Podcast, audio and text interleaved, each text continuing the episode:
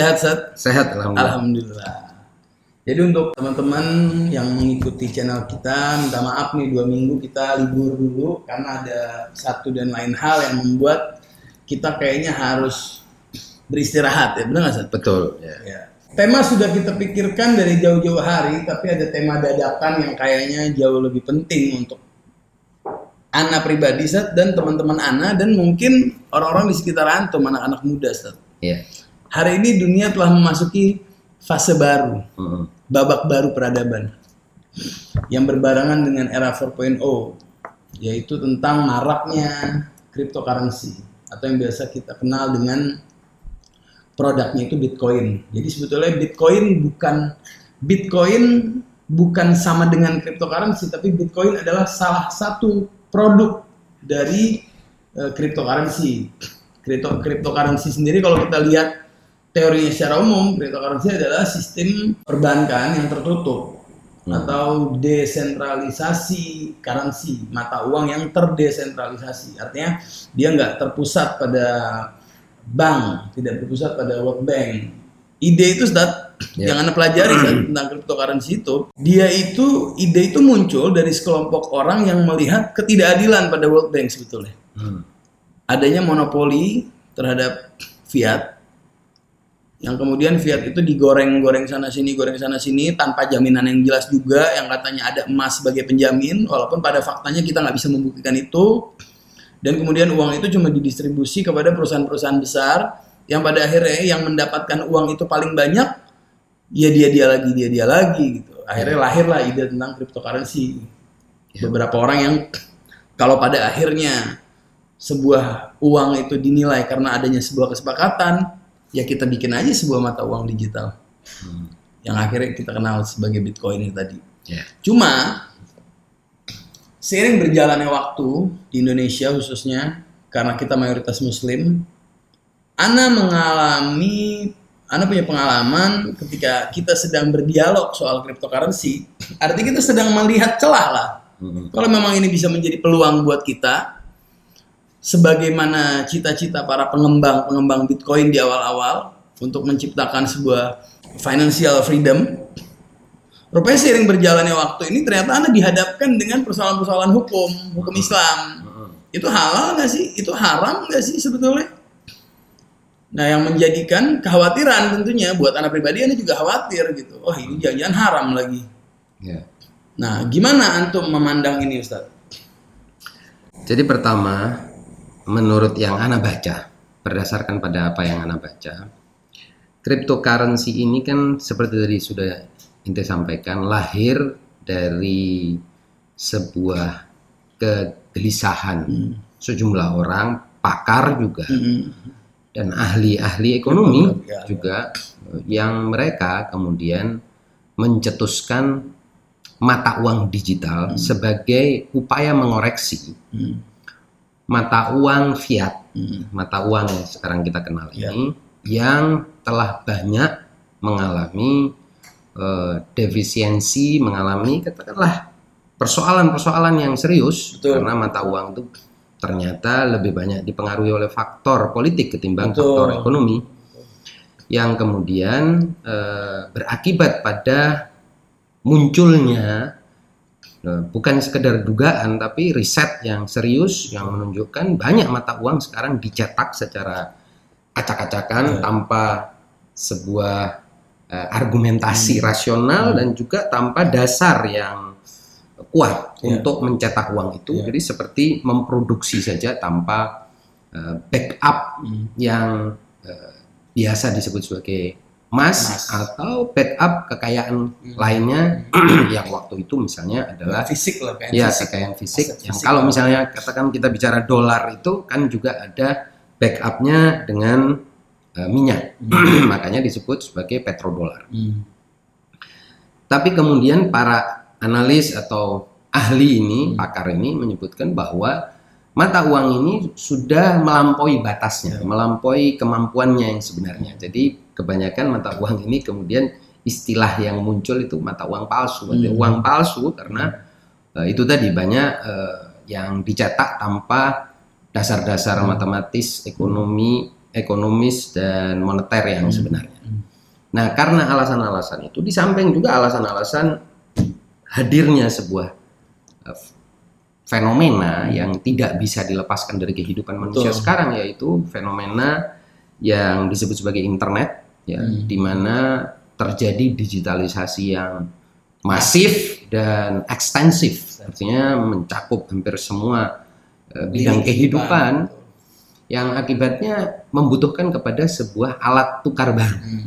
Kira-kira itulah Ya. ide dasar dari cryptocurrency yang bisa Anda pahami. Ya. Nah, mata uang baru ini eh, diharapkan menjamin keamanan, eh, anonimitas, artinya orang yang menggunakannya itu tidak harus diketahui, harus diverifikasi, kemudian juga eh, meminimalisir ya pemalsuan uang yang sudah terjadi pada banyak eh, negara yaitu yang mencetak uang secara membabi buta.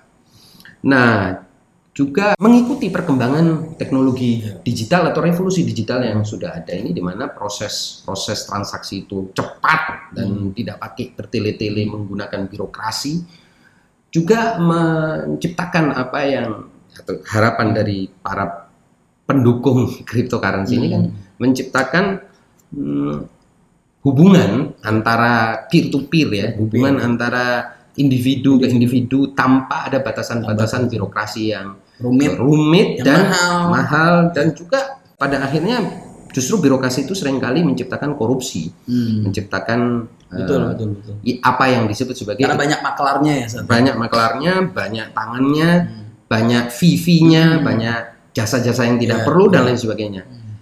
Nah, maka itu cryptocurrency ini juga bisa menjadi koreksi terhadap sistem moneter Iya, yang sekarang bentuk bentuk kritik sebetulnya. Sebetulnya ini bentuk koreksi dan keberadaannya sekarang ini eh, minimal dari salah satu yang terbesar sekarang ya bukan salah satu yang terbesar ya yang terbesar Yang sekarang terbesar, yaitu ya. Bitcoin itu kan terbukti bahwa eh, Bitcoin itu mampu menciptakan eh, kepastian mampu menciptakan keamanan dan menunjukkan kredibilitasnya sebagai sebuah koin digital yang layak untuk dipakai bertransaksi dan sudah dipakai untuk bertransaksi di beberapa negara. Nah, ini kira-kira background Ya, cerita. Itu barusan Bitcoin dengan basis blockchain tentunya. ya. Ya, dan semuanya itu kan tadi. Jadi penciptaan katakan penciptaan atau penambangan ya istilah, istilah teknisnya penambangan cryptocurrency ini kan punya sistem yang sangat rumit ya menggunakan kompleksitas matematis yang rumit yang sedemikian sehingga para pendukung cryptocurrency menyatakan bahwa ini jauh lebih aman Jauh lebih aman. Bahkan tidak bisa ditipu tidak Ya. bisa dimanipulasi, bisa dimanipulasi. ini terlalu Bahkan canggih di hack aja nggak bisa itu. Nggak bisa. Nah, karena dia eh, istilahnya itu eh, tertib matematis Iya. yang lebih daripada sekedar uang mm, Fiat. fiat atau uang kertas. eh, uang kertas atau yang di- lebih juga di- yang dikenal juga dengan banknotes ya. Notes, ya. Nah, toh juga kita harus tahu bahwa banknotes itu sendiri kan diakui atau sistem keuangan fiat ini kan diakui juga baru 1600-an ya. Perbankan, sistem perbankan yang ada ini kan juga bukan institusi keuangan yang terlalu lama. ya. Lama ya. Baru juga lah. Baru. Dan kalau orang bicara tentang kegagalan sistem perbankan udah terlalu Wow. banyak buktinya gitu. Saya kira itu background rasional. Nah, sehingga melihat itu, tentu syariat itu kan melihat bahwa mata uang itu sebagai sebuah alat transaksi itu adalah keniscayaan hidup, Hmm. keniscayaan kehidupan sosial. Jadi dipandang dari sisi sebagai mata uang, alat tukar, cryptocurrency halal, sehalal eh, rupiah, dolar, ya. real, Real. dan mata uang mata uang lainnya Gitu kira-kira Oke. Nah, lalu lalu kemudian muncul banyak kan sebenarnya gini, banyak banyak orang yang sudah mendapatkan sebetulnya kita nggak bisa, Ana juga nggak bisa mengatakan bahwa banyak orang yang kaya karena cryptocurrency, karena bisa jadi sebelum dia main kripto juga dia udah kaya gitu. Hmm. Tapi nyatanya adalah banyak orang yang hidupnya berubah karena cryptocurrency. entah menjadikan cryptocurrency sebagai alat tukar Heeh. atau sebagai eh, aset investasi yang kemudian diperdagangkan dalam waktu yang tidak terlalu lama. ya Nah, itu di situ itu di dalam hukum Islam yang ramai yang tadi tadi eh, saya sama Ustadz Musa tuh nonton video salah satu ustadz. Teman-teman bisa cek sendiri di YouTube. Ada gharar Ustadz. Sesuatu yang ukurannya itu nggak bisa ditentukan. Jadi ada sebuah ketidakpastian Ustadz Hmm. itu yang menjadikan cryptocurrency ini sebaiknya dihindari untuk sebuah investasi Hmm. Nah, sementara orang-orang yang menjadikan cryptocurrency sebagai mata pencaharian justru menjadikan cryptocurrency itu sebagai investasi. Hmm. Dia akan tunggu timing Hmm. saat kan semua kan all about kesepakatan kan Ustaz. Iya. Ketika semua orang sepakat, makanya ada faktor-faktor pendukung. Kayak kemarin isu tentang Dogecoin yang tadinya cuma berapa ratus perak gitu. Tiba-tiba harga bisa seribu itu kan karena dibantu sama public figure Elon Musk. Di endorse terus sampai di harga naik. Artinya kesepakatan itu ada pengaruhnya, disuntik lah oleh seorang influencer. Hmm. Sehingga orang-orang yang memahami bahwa oh ternyata faktor-faktor yang mendukung naiknya value sebuah koin digital di antaranya adalah keterlibatan para influencer. Ya. Pada akhirnya orang-orang yang paham sama ini dia akan invest besar. Ya, pertama ini kan ada beberapa hal yang ente sampaikan. Pertama soal adanya gharar atau tipuan atau Hmm. keraguan, Keraguan. atas potensi penipuan dan Hmm. lain sebagainya lah itu Hmm. itu terlalu umum ya Hmm. istilah Oh, umum. horor itu umum istilahnya. ya potensi penipuan, potensi keraguan, Oke, ya kan adanya ke keambiguan. Ke- keambiguan betul. Bisa jadi itu bukan hanya untuk cryptocurrency tapi bisa juga lebih Oh, iya. lebih memungkinkan untuk mata uang yang sekarang berlaku. Iya sih. karena di dalam tadi kan sebetulnya kita sudah sampaikan bahwa latar belakang munculnya cryptocurrency ini justru untuk mengoreksi Oh. eh, dan meminimalisir semaksimal mungkin bahkan bagi mereka yang ahli mungkin nanti kita Hmm. perlu undang yang ahli. undang, undang. mereka yang ahli menyatakan bahwa gabungan antara teknologi blockchain dan kriptografi memustahilkan adanya penipuan atau gharar itu tadi Hmm. jadi justru di mata uang cryptocurrency kemungkinan gharar jauh lebih kecil ketimbang Iya. uh, fiat. Ya itu katakanlah mereka punya argumennya dan Hmm. argumennya rumit ya. Jadi kita bukan sedang bicara tentang uh, cryptocurrency. kita kita kita bukan kita di sini obrolan kita bukan sedang mengendorse supaya orang mengenal atau terjun ke dalam cryptocurrency tapi mengkaji sebuah fenomena yang hari ini ada di depan mata, mata dan, kita. dan ini akan membesarkan. iya ya Nah, uh, jadi tadi itu satu. Kedua, basis uh, mata uang Hmm. atau alat tukar itu basisnya adalah kesepakatan dan kesepakatan antara dua individu atau dua pihak atau lebih itu adalah asas hukum. Jadi hukum Allah itu berbasis juga kesepakatan antara manusia, iya ya kan? Makanya disebutnya wa'ufu bil uqud. Artinya kalau Anda punya akad, punya kontrak dengan orang, Anda sepakati sesuatu, Anda harus memenuhi Iya. dan itu adalah hukum Allah itu memenuhi segala macam uh, terms and Condition. conditions yang telah ditetapkan oleh para pihak Hmm. dan berarti itulah yang ditetapkan Allah sebagai hukum.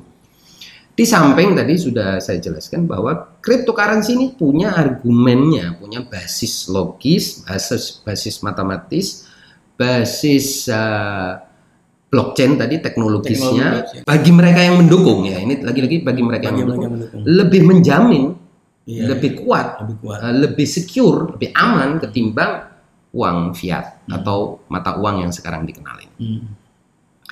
Karena dia uh, punya yang disebut sebagai check and recheck yang lebih uh, Dalam, ya. dalam dan desentral terdesentralisasi sehingga orang semua orang bisa ngecek ini barang Ngecek, terlalu iya. transparan untuk di betul betul betul dimainkan. Betul, Tapi betul, betul. sekarang bandingkan dengan uh, mata uang yang sekarang kita kenal ini ya, uh, mata uang umum. Ini kan ada otoritas yang ada pihak ketiga yaitu bank bank ya yang mengontrol, Hmm. meregulasi dan lain sebagainya. Hmm.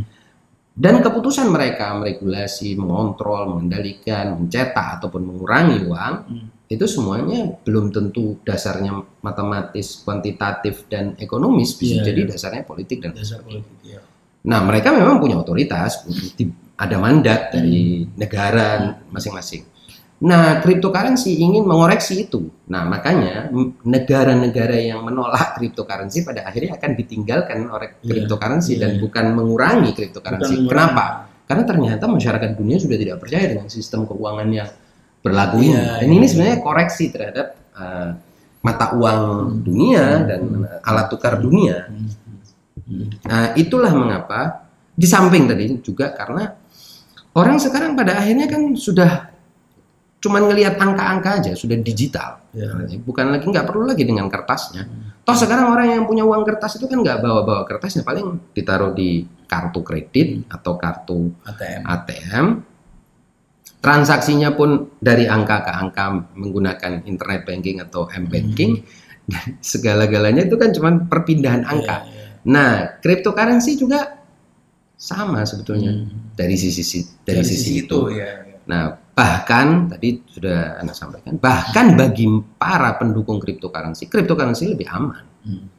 lebih eh, terdesentralisasi dan lebih tidak mungkin ditipu, tidak ada jadi kemungkinan ghararnya lebih kecil. Hmm. Nah, itu kalau Iya. kita mau meng- Iya betul betul. betul. mengapa mempelajari lebih jauh begitu Betul. justru bagi mereka yang mendukung. Iya. Apalagi ini kan juga berdasarkan kesepakatan. Nah, persoalannya sekarang. Tadi pertanyaan berikutnya. Bagaimana kalau itu bukan hanya sekedar mata uang? Hmm. Tapi ada yang berusaha untuk menjadikan itu mata eh, investasi. Hmm. Itu sama seperti juga orang menabung uang eh, dalam dolar misalnya atau dalam euro Hmm. misalnya, atau dalam real menganggap misalnya mata uang rupiah tidak stabil Hmm. lebih baik pakai dolar sama aja Oke. prinsipnya kan sama Hmm. sehingga mereka tuh sebetulnya memindahkan kekayaan mereka dari mata uang fiat Hmm.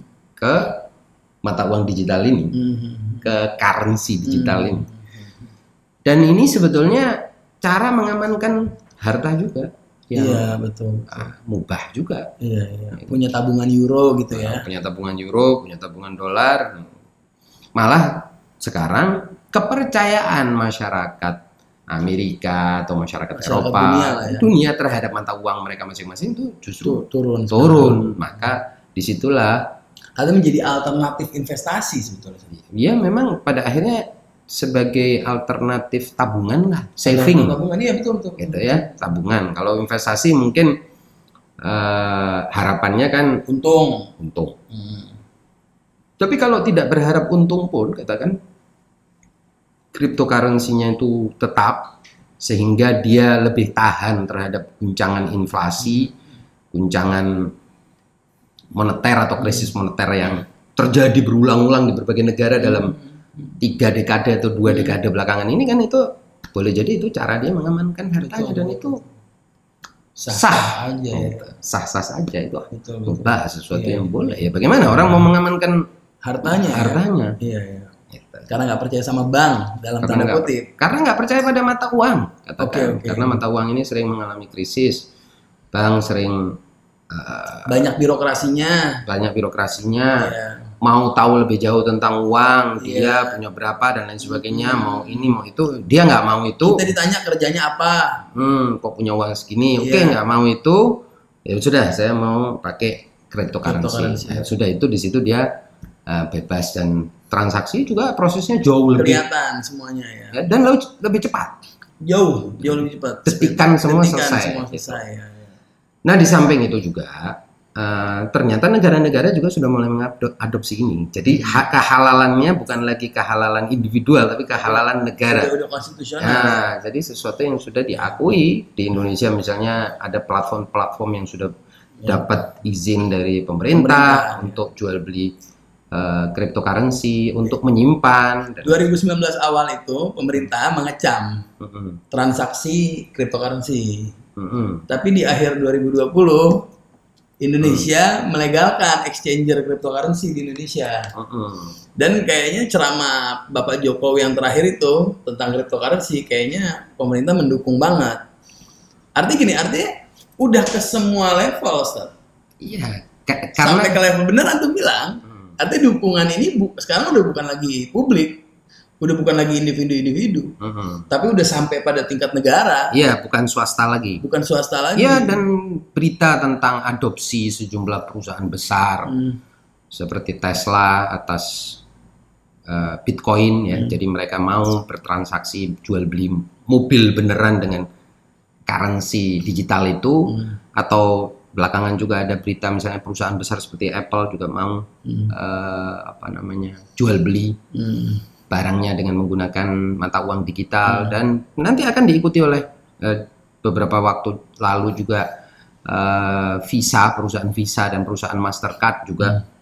menga- akan mengadopsi di- eh, digital currency ini atau mata uang digital ini dan trennya sepertinya akan menguat gitu jadi cryptocurrency ini akan menjadi mata uang digital baru lah Hmm. gitu mata uang digital jadi dan itu menolaknya juga tidak ada dasar karena pada akhirnya ini kan mata uang untuk dipakai alat tukar ya sama seperti mata uang yang lain Iya. gitu.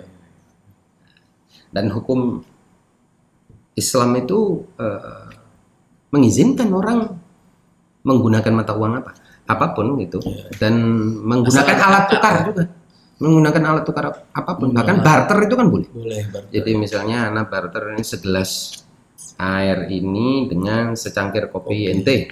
Sama-sama sepakat? sama sepakat ya ternyata segelas air anak di dalamnya ada eh, kandungan katakan apa uranium atau apa kemudian ente bisa dapat untung 10 miliar padahal harganya 10 juta ya, Hmm. ya fabiha itu berarti rezeki Iya. nasib baik nggak masalah jadi itu sesuatu yang eh, boleh Yang penting nggak ada paksaan waktu pertama kali ya itu. antara din ya Hmm. sama-sama ridho Sama-sama ridho. dan sebagai alat tukar Hmm. artinya sudah disepakati harganya sekian harga itu sekian tidak ada Hmm. masalah habis itu kemudian ente tiba-tiba meledak ya Hmm. atau sebaliknya anak yang meledak ya sama saja itu Iya, iya. berarti rezeki Iya, iya. Seperti juga uang. Biasa uang kertas kita pakai beli tanah misalnya. Hmm. uang kertas ini nilainya satu miliar. Kemudian kita beli tanah 1000 meter. Hmm. ya tanah 1000 meter itu kemudian setelah anak transaksi mata uang yang anak pakai transaksi turun harganya terhadap mata uang lain misalnya. Hmm. nilainya turun. Tanahnya nilainya naik berkali-kali lipat. Terus anak mau mau marah. Itu saya mau marah kepada iya, siapa? iya, Ya iya. sudah. Itulah terjadi sudah dan Iya. ketika transaksi terjadi pada saat transaksi itu terjadi hukumnya halal Hukumnya halal. halal. Nah, saya kira dilihat dari sisi itu, cryptocurrency itu tidak masalah. Hmm. Indah banget nih. Terus apa apa apa apa lagi apa lagi? Ah, Oke, tapi- yang perlu gini, yang, Yang perlu diwaspadai, Ya. mungkin ya kalau kita mau waspadai itu kan ada juga yang sifatnya ponzi itu. Ponzi, Ah, skema skema Ponzi. Anda jelasin dulu nggak apa-apa ya Sat ya. Skema Ponzi itu adalah skema penipuan berbasis piramida, berbasis MLM. Jadi eh, developer membangun sebuah kekayaan dari orang-orang yang ada di bawahnya, sehingga yang paling terakhir join itu dia yang rugi. Kayak terakhir itu ada kasus TikTok Cash, Tat. Hmm, baru dibubarin, baru ketahuan. hmm, Yang rugi udah banyak banget. Hmm. Walaupun yang untung juga banyak juga Ya, transaksinya nggak jelas. betul. Mungkin kalau di cryptocurrency ada namanya binomo. Hmm, Itu kayaknya eh, salah satu dari konsep eh, bisnis yang menggunakan nama cryptocurrency. Padahal nanti gini deh, eh, teman-teman yang ngerti boleh komen aja kali ya di bawah ya Ya, tentang silakan. binomo nggak ada masalah kita bisa dialog soal itu. Cuman yang saya lihat dari binomo, binomo itu nggak punya basis kriptonya. Hmm, Jadi lebih terkesan seperti judi, hmm, betul. kayak gitu. Nah itu ada yang seperti itu jelas itu itu haram, Haram, ya. haram. ya. Karena tadi itu dia tidak berbasis pada sebuah eh, rasional yang rasionali, Hmm, eh, dasar rasional yang hmm, jelas, jelas ya. terbuka, Iya, iya. bisa diverifikasi, bisa iya. diobjektifikasi, Betul, betul, betul. dan semua orang punya kesempatan yang sama. semua orang punya kesempatan yang Nah, sama, betul. Dan bisa untung yang sama. Itu Bisa kan kalau sebenarnya bisa, bisa bisa pakai itu sebagai alat. Iya, iya. Nah, kalau modelnya itu kayak judi gitu, Hmm. atau kayak MLM itu kan pada akhirnya pasti ada yang dirugikan Pasti ada yang dirugikan. itu pasti tidak halal. Iya. Kalau yang kayak gitu itu pasti haram. Iya, iya. Jadi yang halal itu adalah kesepakatan yang bisa saling menguntungkan. Hmm. Adapun keuntungan pada saat kesepakatan itu dicetuskan si A dapat le- lebih banyak dari yang B, itu kan kesepakatan. Kesepakatan. Misalnya anak tukar Artinya motifnya bukan pada merugikan yang lain. kan pada merugikan yang lain dan, dan dalam transaksi itu tidak ada kepastian siapa yang untung siapa yang rugi. Hmm. Misal sama seperti orang tukar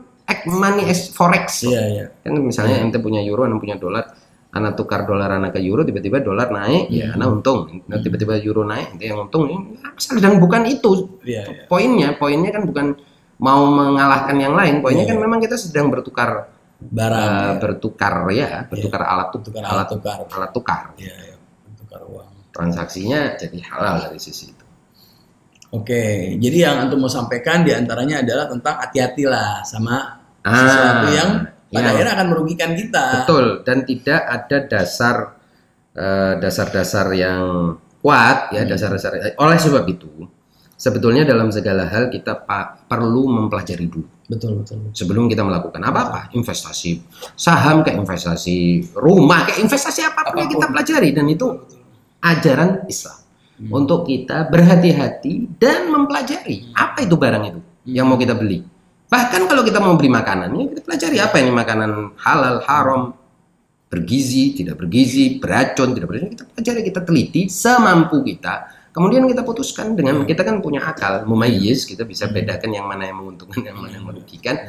Ketika kita sudah memutuskan itu menguntungkan dan tidak ada unsur-unsur haram di dalamnya, tidak merugikan orang lain juga, bukan hanya menguntungkan saya merugikan orang lain, tapi keuntungan bukan satu-satunya faktor ini halal. Hmm. Artinya keuntungan kita tidak menjadikan bencana bagi orang lain. Nah, di situ dan tidak ada unsur unsur penipuan, unsur-unsur gharar Iya, tadi. iya.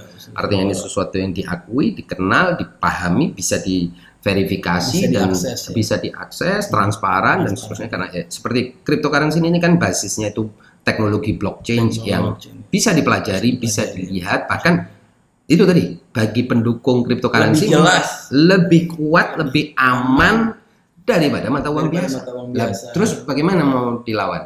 Ya, nggak mungkin dilawan itu. Iya, iya, betul, betul. Gitu. Toh mata uang yang sekarang ini kan juga berlaku, juga sebetulnya. bukan berlaku karena kesepakatan, Iya, iya, karena konvensi, ber- berlaku juga karena adanya kesepakatan yang dicapai antara otoritas moneter Hmm. dengan pemerintahan eksekutif dan legislatif kan Hmm. disepakati. Iya, iya. Nilainya sekarang ini sekian terhadap ini. Nah, dan seterusnya lah. Terus Hmm. ada otoritas moneter dunia Hmm. seperti World Bank ada Fed. the Fed dan lain sebagainya yang itu semua menentukan ya kan Iya, iya. Nah, Iya, betul, betul. terutama sebetulnya the Fed lah yang menentukan Fed, jadi semua kan merujuk kepada dolar nah sekarang ini ada gugatan terhadap dominasi dolar Hmm. nah ini cryptocurrency ini justru kalau kita mau lebih jauh Ini kayak dibahas di next episode seru ya. nah enggak kalau kita sedikit aja Oke, oke. Kalau kita mau sebetulnya mau bi- berbicara tentang siapa yang akan menolak cryptocurrency, ya mereka yang ingin mempertahankan dominasi dolar, gitu aja. Udah, Ya, keren banget ini sumpah. hmm. Teman-teman, oke kita lanjut Eh, dua minggu lagi berarti Ustaz ya. ya. Oke, kita insya Allah kita akan bikin lagi podcast kayak begini. Oke, masih seputar sama deh tentang eh, tentang cryptocurrency. Sebenarnya tujuan saya gini, supaya kita nggak ketinggalan zaman aja. Benar nggak Ustaz? Betul ya. Jadi artinya kita menjadi Muslim yang mengikuti zaman. Ya, Iya dong Ustaz? betul, setuju. Oke teman-teman, terima kasih banyak. Assalamualaikum warahmatullahi wabarakatuh. Waalaikumsalam.